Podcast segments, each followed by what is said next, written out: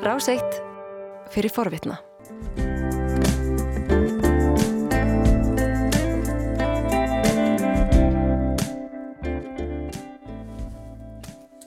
Þyrðar hlusta á morgunvaktina á Ráseitt klukka núna réttliðlega hálf átta. Það er 50 dagur í dag. Og komið 9. februar. Hvet fólk til þess að búa sér vel eh, frá toppi til táar eh, þar við að goða skó snjóaði talsvert við að gerkvöldi og nótt og uh, verður kvast og kallt. Mæli með treflum, húum, hönskum. Bói Ágúrsson er komin í hljóstofu, sestur við heimsklukkan, góðan dag. Góðan daginn Björn Við ætlum að uh, tala um margt í dag.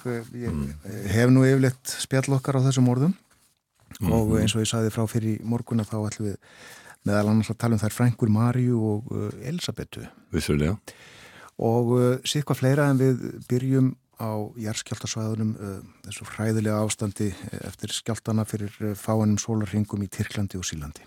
Já, það er alltaf hægt að byrja á öðru. Uh, það er nú mjög, mjög vel fjallega um þetta í, í fréttum uh, allstaðar og það hækkar alltaf tala þeirra sem hafa funnist lotnir eða er vitaðum að síðu lotnir komið við 16.000 núna og á því miður öruglegan eftir að hækka og uh, hins vegar það sem að ég vilti tala um núna frekar heldur um björgunarstarfið sem að gengur hægt og illa eru mögulegar pólitískar aflýðingar af þessum jæðskjáltum í Tyrklandi.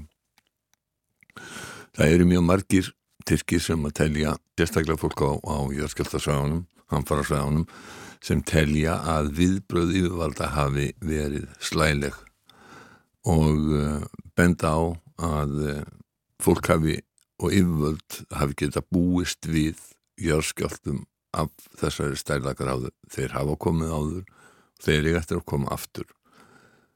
Viðbröð eru í sjálfu sér líka þannig uh, sko byggingareglugerðir og eftirlit með þeim. Húsin sem að hrundu eru ekki öll mjög gömul. Sumaðum eru tiltölu ný og byggingareglugerð var hert í Tyrklandi eftir mikla jæðskjáta sem að örðu 1999 og uh, nú er spurning sko hvernig hefur eftirlit með uh, þessu og öðrum reglum sem eiga að koma eða áttu að koma í vekk fyrir svona gríðarlegt tjón verið það ekki aðtegli sumra að sjá nánast hlýði hlýð fjölbílishús sem hafa staðið af sér eða skjáltan og önnur hús við hliðina sem hafa hrunið til grunna og þarna spyrja minn hvernig hefur eftirlit með eh, framkvæmt byggingareglu gerða verið.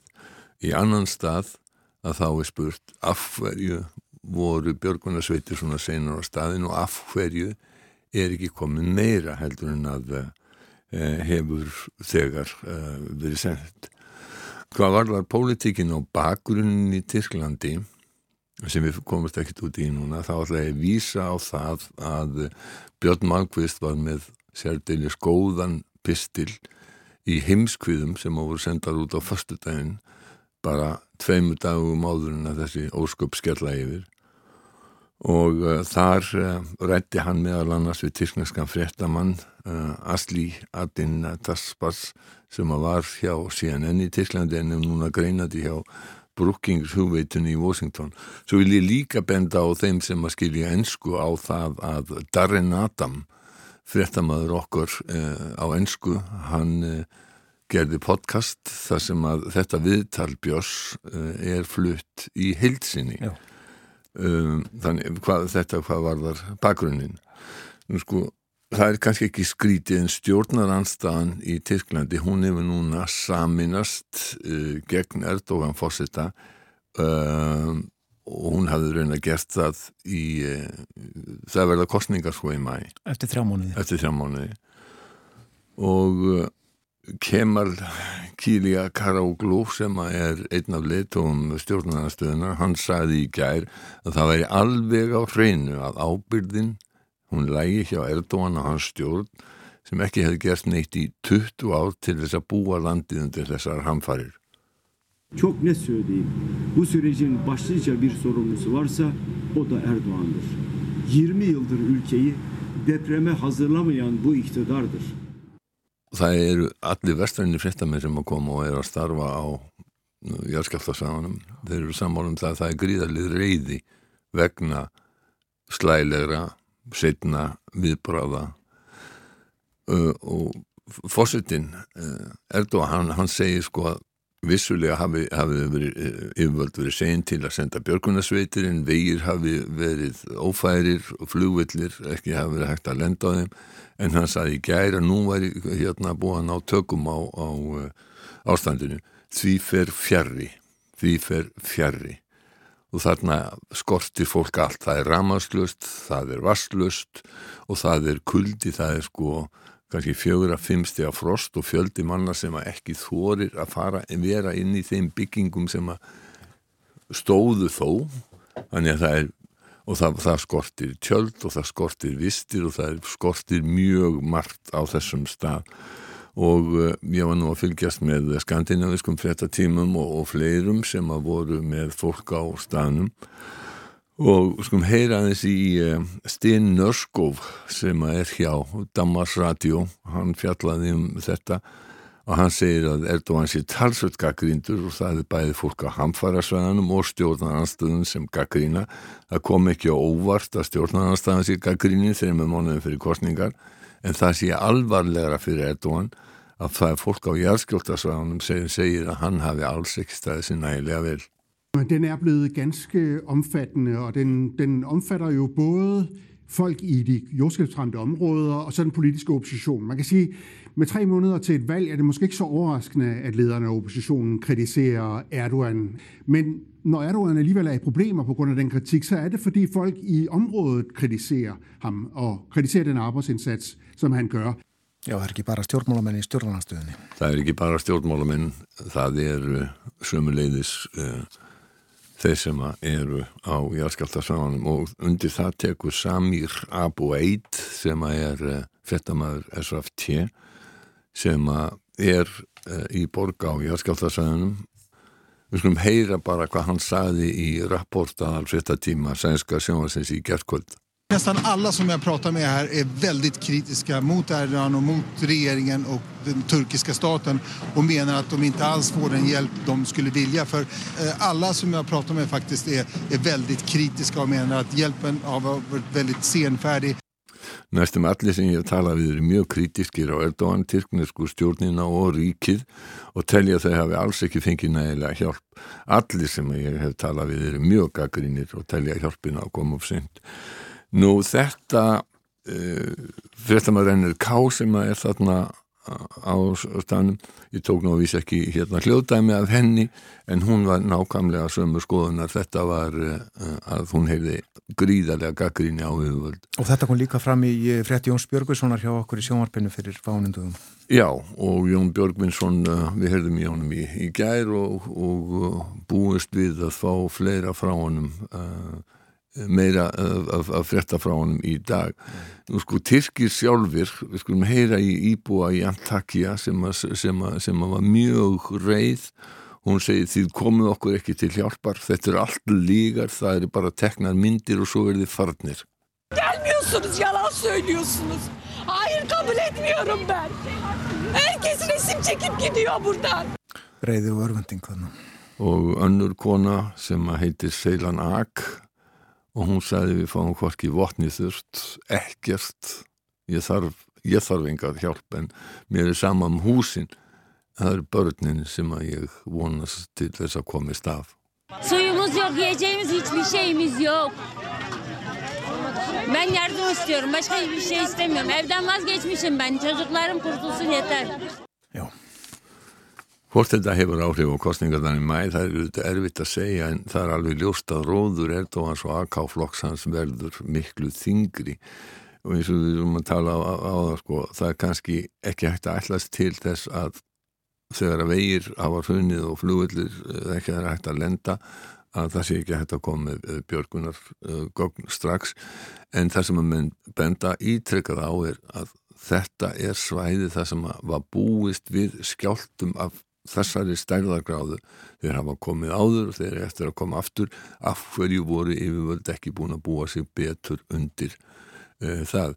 Á móti verður líka að segja að þetta er svæði bæði í norðvestu Tyrklandi nei, í, í Tyrklandi og norðvestu Sýrlandi það sem er, var fyrir umtalsvert álag á alla innviði vegna, vegna borgarstyrjaldarinnar í Sýrlandi það eru miljónir fólks sem eru á flótta og eiga hverki hafðu sína að halla á þessu svæði fyrir. Já. Þetta bætist síðan ofan á.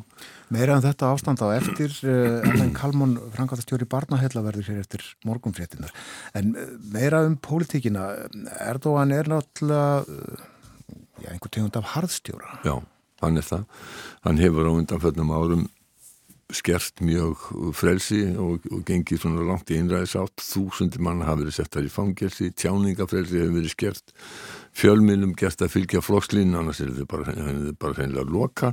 Domstólar, háskólar þeir hafi verið múlbundnir og ef Erdogan og hans AK flokkur vinnur í mæ þá má búast við að líðræði sjálft í Tyrklandi verði í verulegri hættu. Hann er ekki algjörlega einráður eins og, eins og er og það eru kostningar og verðarkostningar þær eru kannski ekki eins frjálsar og viðþekkjum vegna þess að stjórnarnarstæðingar hafi ekki þann aðganga fjölmjölum og, og almenningi sem að, sem að eh, þeir hafa á, í vestrannu löndum og eh, margi stjórnarnarstæðingar eru reynilega ofsóknir. Ekrem Imama Moglu sem á kjörnum borgarstjóri í um, Istanbul 2019 og Istanbul er stærsta og mikilvægasta borg Þyrklands Hann var dæmdur fyrir nokkurum vikum fyrir að gaggrýna kjörstjórnina í tveggja ára fangelsi og það var sko öllum að ljóst hvað er Erdogan að gera þar. Hann er að reyna að losa sig við þann anstæðing sem er, er, er hvað hætturastu vegna þess að Íman Móglu tókst að vinna sigur í Istanbul og Erdogan hafi sjálfur verið borgarstjórið og sagt sá sem stjórnar Istanbul stjórnar Tyrklandi. Já. þannig að uh, það er augljóst að hann hefur viljað að losna við hann. Og fangelsaði fyrir gaggríni segir við fangelsaði fyrir gaggríni á framkvæmt kostningana 2019 vegna þess að uh, hann, hann segir að þið upphaflega með nokkur þúsund atkvæða mun og uh, þá AK-flokkurinn og Erdogan sætti sig ekki við það og kröfðust og þessi sitt á einhverjum tekniatriðum fóru fram á og léttu kjósa aftur. En það hefði betur látið ógert vegna þess að þá sigur að Ímamóglú með, með 800.000 atkvæða mun Já.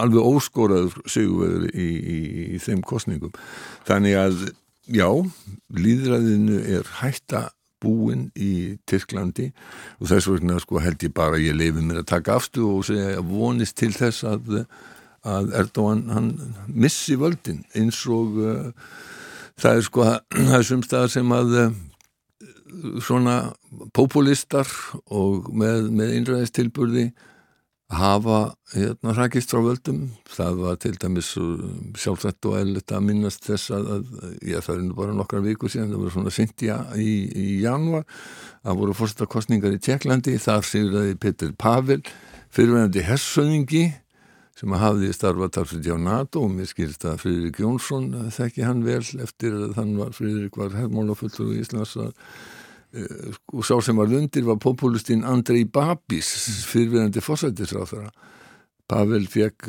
um 57% atkvæða og hann er sko já, hann er allar að treysta sambandið við, við Evrópussambandið, hann ætlar að styrkja uh, Úkrænum en ennþá meira í baráttunum við innrásar hér rúsa Babis er á hinbóin sko, hann er svona eiginlega bara erki populisti og að kallaður segir eiginlega allt, hann var kallaður Trump Tjekklands. Já, auðmaður er það ekki? jú, jú, hann var, hann var einn, einn allra auðvasti maður heims bara, hann er einhver staðar og hérna numur 400, 100, 100, 617 sé ég hér á lista Forbes var hann, var hann árið 1900, árið 2019 Svo skulum við dæmba okkur í sakvæðina Björn Þór. Já. Við náðum ekki að tala í síðustu vikum listsköpum neðandi talsmanna Ég sá þetta í því góða vefriti The Conversation sem að byrtir oft áhugaverða nýðustuður akademískra rannsókna uh, sem eru setta fram á tungumólu sem þú og ég getum skilið mm. en neandertalsmenn þeir máluð á hellisveggi í nokkrum þúsundum ára áður en að mannkynni homo sapiens fór á stunda listsköpun sko skilningur fólks á neandertalsfólkinu hefur gjörbreyst á síðustu, já svona 30 árum með rásóknum og menn hafa átt að segja á því að þeir voru ekki eins og áður var talið miklu frumstæðari manntegund heldur en homo sapiens og þeir viljast hafa búið í smáum hópum sem hafa búið mikið á ferðinni. Þau tóku með sér eld til þess að tendraða sinni slóðu sér niður og notuðu áhöld. eh, og ummerki um hellamálverkni að til tels manna hafa fundist í hellum næri Malaga á Suðu Spáni og þau eru að minnst að kosti 65.000 ára. Við berum ennþá í okkur einhver smá gen frá neðandi talsmönnum þannig að við skulum e- ekki tala mjög ítla um þessa, þessa fórfyrir okkar. Getur nefnt það að við ætluðum að fjallum þetta síðast en komist ekki í það og töldum í lægi að býða með það í viku. Það væri það já, langt liðið frá já, því að þeir voru já, ferli. Já Svo skulum við nefna aðeins í framhjólöpi stríð sem að spánverðir og Dani stóði í 172 ár. Þetta uppgöttaðist eh, var einhver áhugarsakfræðingur á Spáni sem uppgöttaði það að, að þegar að e, Napoleon riðist inn í Spán 808 að þá lístu, þá voru, voru Spánverður og Danir fjendur að því að Danir voru í líði með Napoleon og þá var lítill bær Huescar í Granada sem lísti við stríði við Danska ríkið. Já.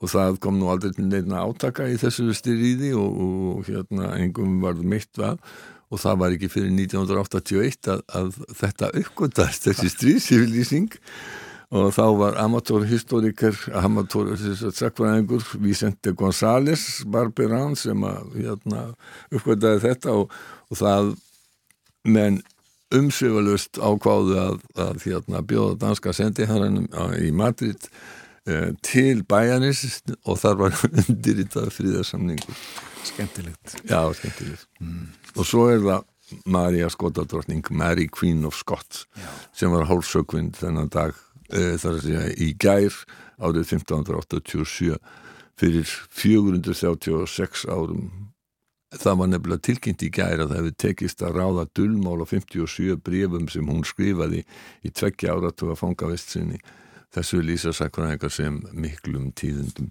mm.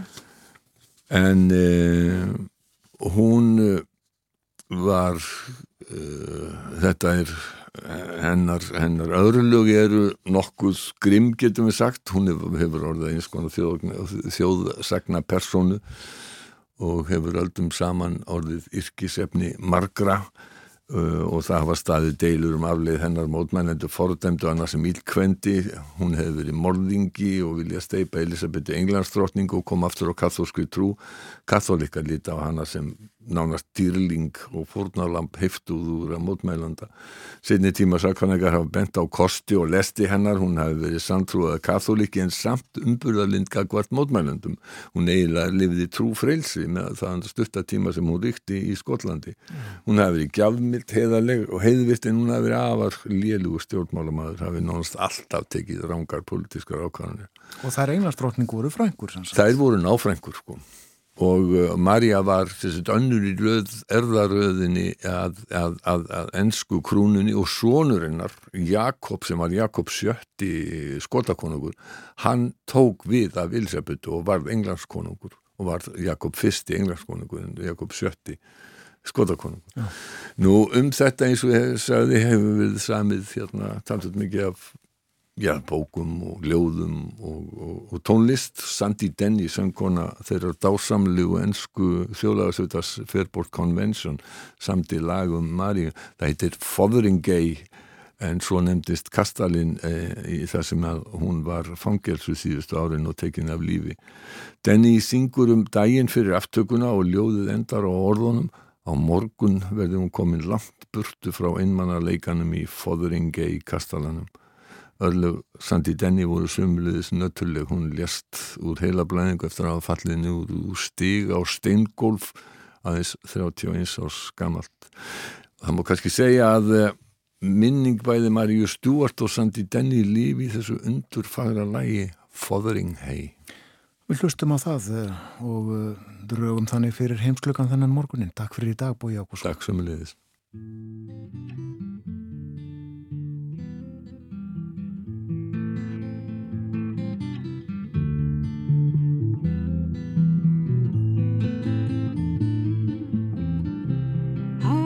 She has gazed from castle windows all and watched the daylight passing within her captive wall with no